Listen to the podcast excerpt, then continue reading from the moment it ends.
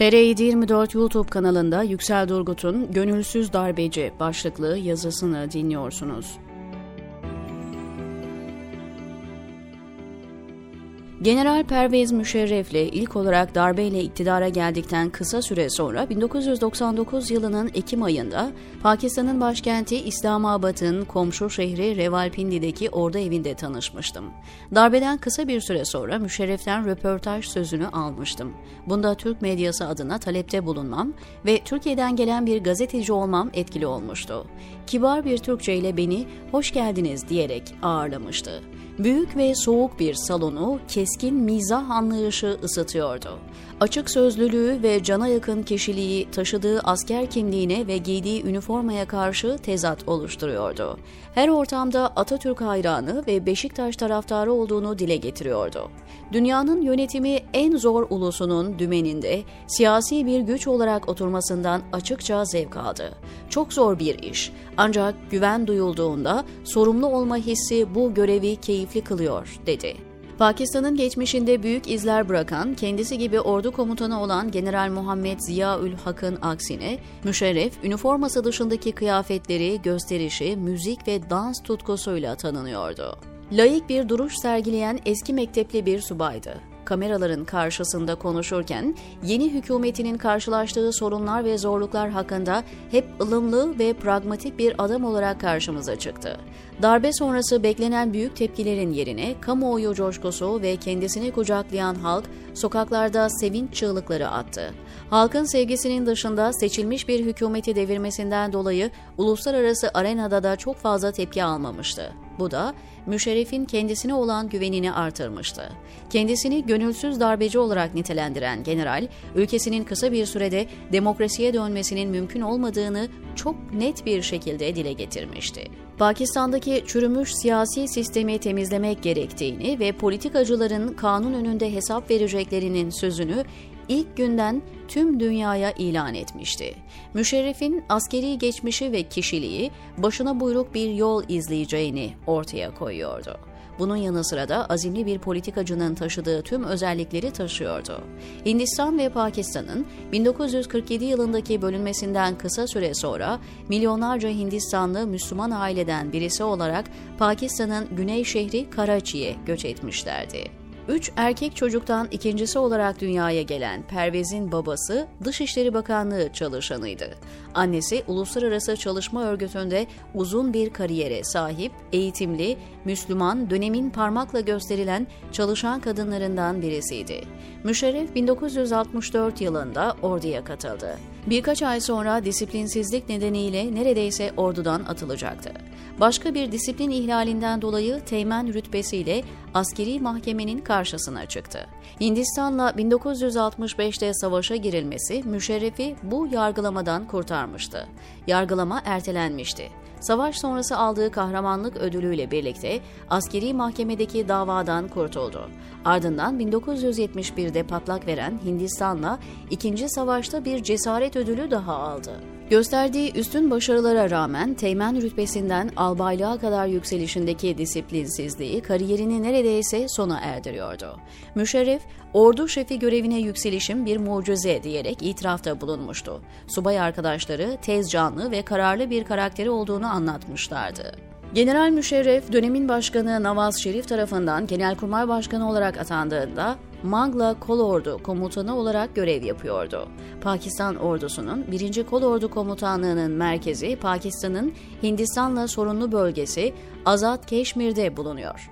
Hint-Pakistan savaşlarında aktif olan kolordu, Kargil ve Kuzeybatı Pakistan'daki savaşlarda da öncü bir rol oynamıştı.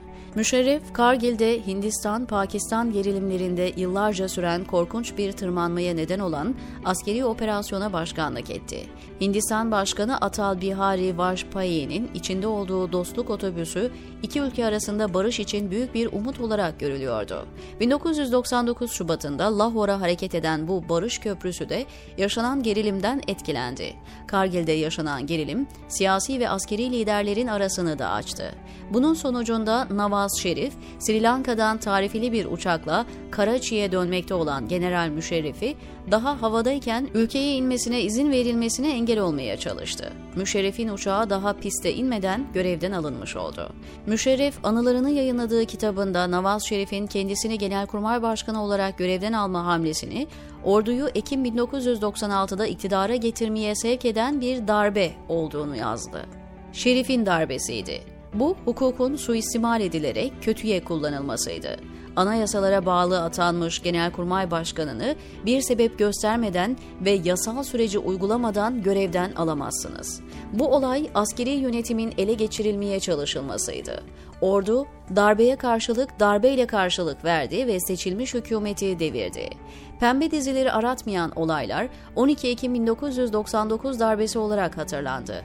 Seçilmiş bir hükümet tarafından atanan ordu komutanı kendisine atayan siyasi lideri devirerek yönetimi ele geçirmişti. Ancak bu darbenin diğer darbelerden farkı sıkı yönetim ilan edilmemesi oldu. Başlangıçta kendisini baş yönetici olarak adlandırdı. Mustafa Kemal Atatürk'ün büyük bir hayranıydı. Pakistan'ı da liberal bir ülkeye doğru götürme sözü veren reformist olarak görüldü. İslami radikalizmin ve mezhepçiliğin ortadan kaldırılmasını içeren 7 maddelik politik konuşması takdir edilmişti. Pakistan'ı ılımlı bir Müslüman devlete dönüştürerek Ziya'nın radikal mirasını geri alma sözü verdi. Batı'da eğitim görmüş kabinesinin liberal profili halk arasında umut olmuştu. 11 Eylül 2001'de ABD'ye yönelik terör saldırılarıyla ortaya çıkan krizle hem kendisine hem de Pakistan'a uygulanan uluslararası baskıyı ortadan kaldırmıştı. Pakistan, ABD ile teröre karşı birlikte savaşarak uluslararası ilgiyi yeniden üzerine çekti. Eskiden askeri diktatör olarak dışlanan Müşerref, Batı'nın değerli bir dostu oldu. Yaptırımların kaldırılması ve ABD'nin doğrudan ekonomik desteğiyle Pakistan'ın mali zorluklarını hafifletti. Yaşanan olaylar Müşerref'in koltuğunu güçlendirdi. Kendisinden önceki diğer askeri yöneticiler gibi Müşerref de karışık bir siyasi sistem kurmaya çalıştı. Askeri yönetimi meşrulaştırma çabasıyla siyasi kültürü daha da yozlaştırdı. Siyasetçilerle işbirliği yaptı, ortadan kaldırmayı taahhüt ettiği himaye sistemini güçlendirdi ve siyaset mühendisliği kurumları daha da zayıflattı. Kendisini daha önceki liderlerden farklı görmesine rağmen Müşerref kendi planını uygulamıştı. Ziya gibi o da yönetimini meşrulaştırmak amacıyla referandum yaptı. Ancak Müşerref'i diğer siyasi liderlerden ayıran en büyük özelliği hakkında hiçbir rüşvet dedikodusunun ortaya atılmaması oldu. Belucistan Eyaleti Valiliği görevini yürüten ve bu bölge için silahlı mücadele isteyen eski Bakan Nawab Ekber Han Bukti'nin saklandığı mağaraya yapılan baskında öldürülmesi halkı ayaklandırmıştı. Olay siyasi bir suikast olarak adlandırıldı. Belucu liderin öldürülmesi, Müşerref'in askeri liderliğindeki hükümetinin içinde ayrışmalara neden oldu. Yaşanan olay Belucistan'da öfkeleri artırmıştı. Diğer otoriterler gibi Müşerref de yargının bağımsızlığına el uzattı. Yargı sürecine müdahale etmeye iktidara geldikten kısa bir süre sonra başladı. Hakimlerden bağlılık yemini etmeleri istendi.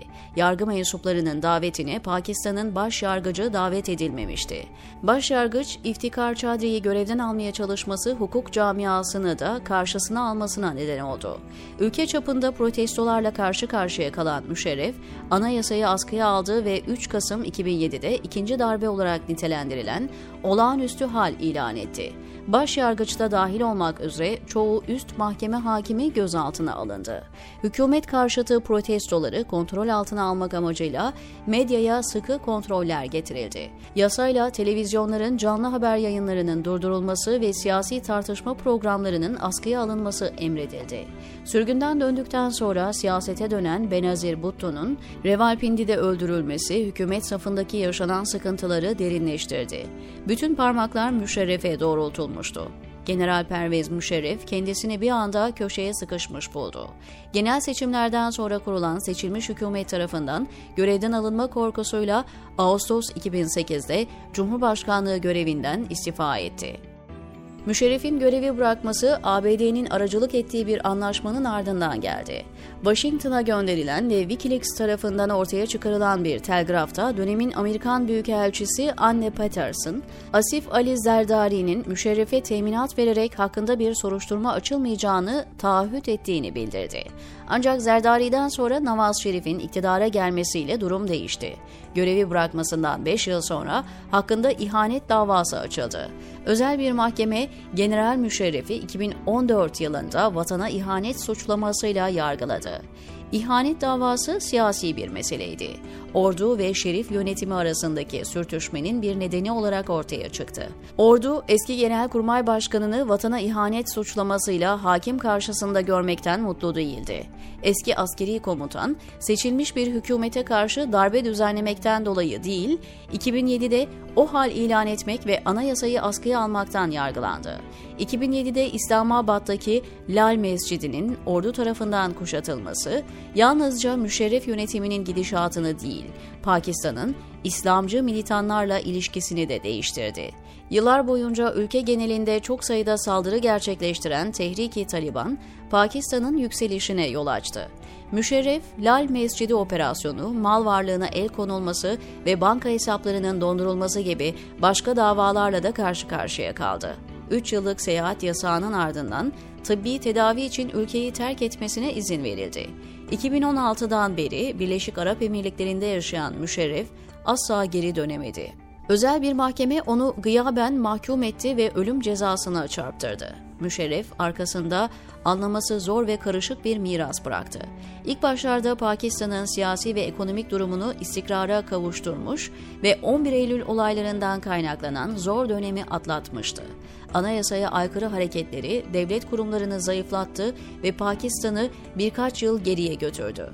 General Pervez Müşerref'in halkın gözünde yargılanması ise tarihe kaldı, diyor Yüksel Durgut, TR724'deki yazısında.